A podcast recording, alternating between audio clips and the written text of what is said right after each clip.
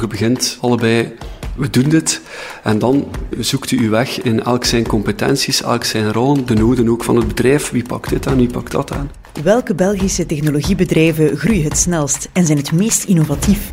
Deloitte Technology Fast 50 nomineert elk jaar de beste 50, maar er kan er maar één de winnaar zijn. In 2021 is dat het fietsleasingsbedrijf O2O. De microben van het sportief fietsen was niet te stoppen en heb ik na een half jaar stoppen met motorrijden een speedpedelec zelf gemaakt. Een speedpedelec af alle letter, zullen we maar zeggen. Ik ben audiomaker Emma van Pamel en in deze podcast ga ik met de oprichters van O2O, broers Wim en Koen Floré uit Locristi, op speeddate. O2O wil bij alle bedrijven een fietscultuur installeren. Zelf is Wim van O2O al zijn hele leven zot van de fiets. Op 10, 12-jarige leeftijd, zeker vanaf 12-jarige leeftijd, veel parcoursjes gemaakt om met de fiets te racen in de tuin of in de omgeving van het uh, ouderlijk huis. Al dan niet met anderen. Uh, een beetje motorrace, maar op fietsniveau dan. Dat is dan effectief uitgegroeid naar, naar motorrijden zelf. Met heel veel vrienden van mij waren we actieve motorrijders. Dat motorrijverhaal heeft ongeveer vijf jaar geduurd, was zeer leuk, maar ieder van ons op zijn manier een keer goed op zijn muil gaan, om het, om het zo te zeggen. Ja, de ene al wat ernstiger dan de andere. Met de conclusie dat we wel allemaal daarmee gestopt zijn. Stoppen met motorrijden. Maar niet met snelheid opzoeken. De microben van het sportief fietsen was niet te stoppen en heb ik na een half jaar stoppen met motorrijden een speedpedelec zelf gemaakt. Een speedpedelec af alle letter, zullen we maar zeggen. Dus een gewone fiets met de motor en een batterij erop die tot 45 km per uur ondersteunde. En ja, eigenlijk ingezien dat dat ons ruim zoveel plezier gaf als het motorrijden. Zo'n speedpedelec zou misschien zelfs kunnen aanslaan op de markt. Het was heel efficiënt erin, sneller als de auto altijd. Het is sportief, je fietst nog altijd volle gas. Het is niet dat het lui is, het is om sneller te zijn, niet om luier te zijn. Uh, zo is die passie van tien jaar geleefdheid zich altijd doorgezet tot het zelf fabriceren van, tot dan ook effectief het businessplan ontwikkelen van fietsfabrikant te worden. Toen was ik 4, 25. Uh, ook samen met mijn broer hebben we dat uh, toch wel diepgaand gemaakt. Uh, goede analyse gedaan, zes maanden actief mee bezig geweest. Maar met als conclusie? Ja, dat het een no-go was. Waarom? Om diverse redenen. Het is heel kapitaalintensief om als fabrikant in één keer iets te starten. Kapitaal dat er, dat er toen zeker niet was. Nu ook voornamelijk de wetgeving was er niet klaar voor. Nog langs fabrikanten zeiden om zo'n fiets te homologeren. Dat bestond toen nog niet, de speedpedelec in, in onze omgeving. Nog als gebruiker. De Belgische wetgeving had geen plaats op de weg. En als gevolg was ook de draagkracht bij de mensen nog kleiner dan dat wij er zelf heel fan van waren. Maar het grote publiek was het onbekend en onbekend is onbemind. En dus? Dus is dat project dan eigenlijk in de koelkast gegaan en hebben we daar geen verdere energie in gestoken. Nu, het, het, de zin naar ondernemen heeft er wel lang in gezeten om, om, om zelf toch iets uit de grond te kunnen stampen. Dus op een bepaalde manier blijven denken. Blijven denken tot ze, hoe kan het ook anders, al fietsend op het idee kwamen van fietsleasing. O2O is actief in de wereld van de fietsleasing in het kader van flexibel verlonen.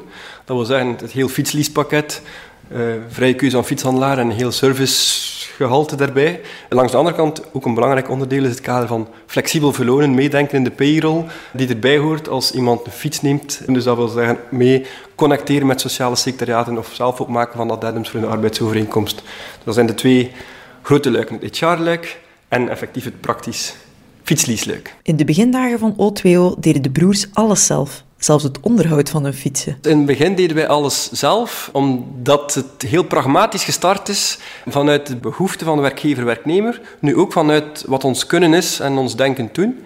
In de zin, de behoefte van werknemer was een, een vrij mogelijke keuze. En ook ontzorging en al wat erbij komt. Naar de fietshandelaar gaan, liever niet dan wel. Wij, wij voelen de nood aan, aan mobiele service, aan ook uh, wil je de mensen warm krijgen, testdagen op het werk. En zo zijn wij eigenlijk opgestart met zelf fietshandelaar zijn, fietsen aankopen bij de fabrikanten en die vermarkten via de bedrijven. Um, we hadden geen, nooit een fysieke winkel. We hebben altijd mobiel geweest, uh, met dus ook het gevolg dat onderhoud ook op de locatie zelf gedaan werd. Maar al snel kwamen de eerste grote klanten. Het allemaal zelf doen was geen optie meer. De vraag groeide en O2O groeide mee. Tom Maas werd de nieuwe collega van de twee broers en bouwde een schaalbaar businessmodel uit. Die schaalbaarheid die ambitie ook om op nationaal niveau een speler te willen zijn, daar zat Tom, was Tom wel de drijvende kracht in om zeker uh, de ambities hoog genoeg te zetten. De medewerkers bouwden zelf een softwareplatform uit dat alle partners met elkaar verbindt. Het platform dat we gebouwd en waar dat we zeker toen echt pionieren waren om zo rap in te zetten op, op een schaalbaar platform dat effectief al die partners verbindt. Of ja, had ook als doel om die partners te verbinden. Die partners, dat zijn er vijf. De werkgever, de werknemer, de fietshandelaar, dat zijn de drie logische. Maar degene die we uh, sinds begin 2018 ook heel actief hebben bijbetrokken zijn de sociale secretariaten. En alle spelers die inzetten op flexibel verlonen. Daar ook direct IT-wise, via API-connecties of afhankelijk van hoe zij, hun platform werkte, mee connecteren, omdat dat een heel belangrijke partner was voor de ontzorging van de werkgever, dan van de HR-load eh, voor de werkgever. Nu hebben we ook nog een, een integratie met de achterliggende financiering voor onze fietsen, dus daar is ook een, deel van het platform aan gelinkt. Dan denk ik nog niet aan de services, uh, omniumverzekeringen, pechbijstand, verlengde garantie, uh, ook die zitten allemaal onder, geconnecteerd aan het platform natuurlijk. Tijd voor wat cijfers. O2O zag haar omzet van 2017 tot 2020 groeien met maar liefst 9859 procent. Ja, mai. Vandaag zou al 13 procent van de Belgische werknemers bereid zijn om hun bedrijfswagen in te ruilen voor een bedrijfsfiets. Ja, hallo. Fietsleasing zit duidelijk in de lift. Maar wordt de fiets ook echt de nummer één mobiliteitsoplossing? Het is niet zwart-wit. Ehm, ik zie dat gebeuren. In de zin, ik zie de evolutie gebeuren. We zien de evolutie nu al gebeuren. Dus die fiets door de rationele voordeel niet heeft, neemt nu al een veel centrale rol in dan vroeger in de mobiliteit. En dat zal alleen maar stijgen. En wij gaan daarvoor om daar een duwtje te geven in de rug van die evolutie. En dus ja, ik, ik, we hebben daar impact op. En ik geloof dat we daar door verder te doen in onze business nog meer impact op kunnen hebben. Maar het is niet zwart-wit. Uh, er gaan er altijd zijn die de fiets niet van moeten weten. En oké, uh, dat is ook uh, een goed recht natuurlijk. Ik ben op weg naar het kantoor van O2O. Het ligt in de haven van Gent tussen de windmolens en loodsen en ik ben de enige fietser tussen allemaal vrachtwagens.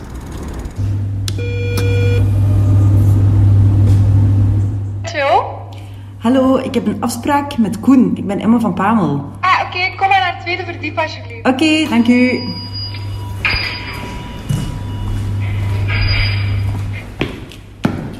Twee broers die samen een bedrijf uit de grond stampten. Ik ben benieuwd hoe dat loopt. Ik vraag het aan Koen Floré, de broer van Wim. Hallo, dank u. Het is een ongelooflijke troef en, en, een sterkte dat je dat samen met Wim kan doen.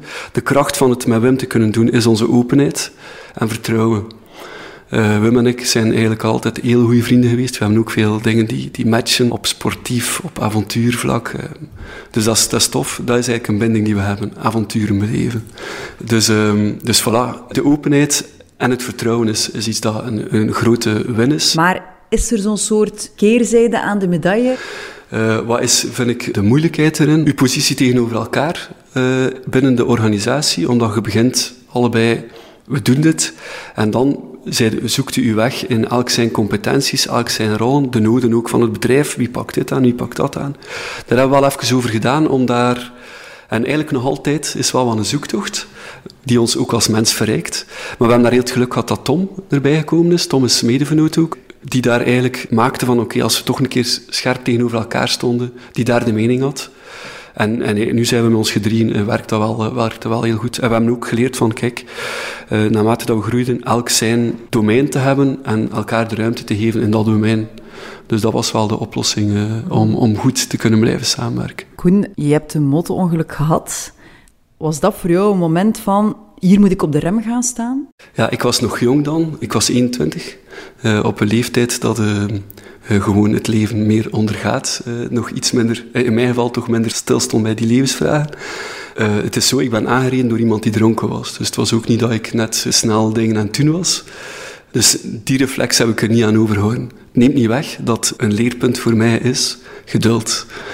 Ik leer, doordat O2O groeit, groeit uw rol ook binnen uw onderneming. Waar dat wij in het begin de dingen ja, ook snel genoeg moesten doen om snel genoeg te groeien, om snel genoeg impact te hebben en er te staan. Altijd voldoende goed, maar ja, en merk ik dat we naarmate we groter worden, je meer mensen uh, probeert mee, uh, mee te krijgen in uw verhaal en dat dat ook tijd vraagt. En ik merk dat ik daar nog kan in groeien. Dus geduld is een mooie deugd. Um, terug naar het motorongeluk. Toen had ik het inzicht van het geduld nog niet, uh, laat ik het zo zeggen. Ik wist toen nog niet dat ik misschien wat ongeduldig was. het heeft me wel genoodzaakt om ja, om lang te revalideren. Het heeft mij vooral genoodzaakt om mijn toekomstdromen die ik had, uh, toch wel even serieus bij te schaven. Dus, uh, dus het, het, uh, het heeft mij wel wat bijgeleerd, maar het blijft een uitdaging voor mij. Heb je dan soms zo het gevoel van, oh, hier ben ik mezelf aan het voorbijlopen?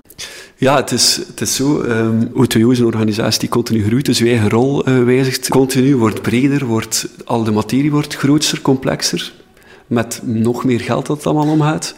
Dus uh, ik heb eigenlijk het ongelooflijk geluk van, uh, van te kunnen groeien met, met een team dat telkens weer uitgebreid wordt met fijne en, en capabele mensen om de stukken waar ik voel van hier loop ik op mijn eindes te kunnen opvangen. Is dat dan de kracht van een bedrijf dat niet alleen snel groeit, maar dat ook nog succesvol doet? Een goed team achter zich hebben?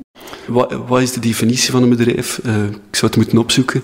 Maar in wezen is mensen in bijna alles wat we doen de, de basis om succesvol en om voldoening en om alles te halen.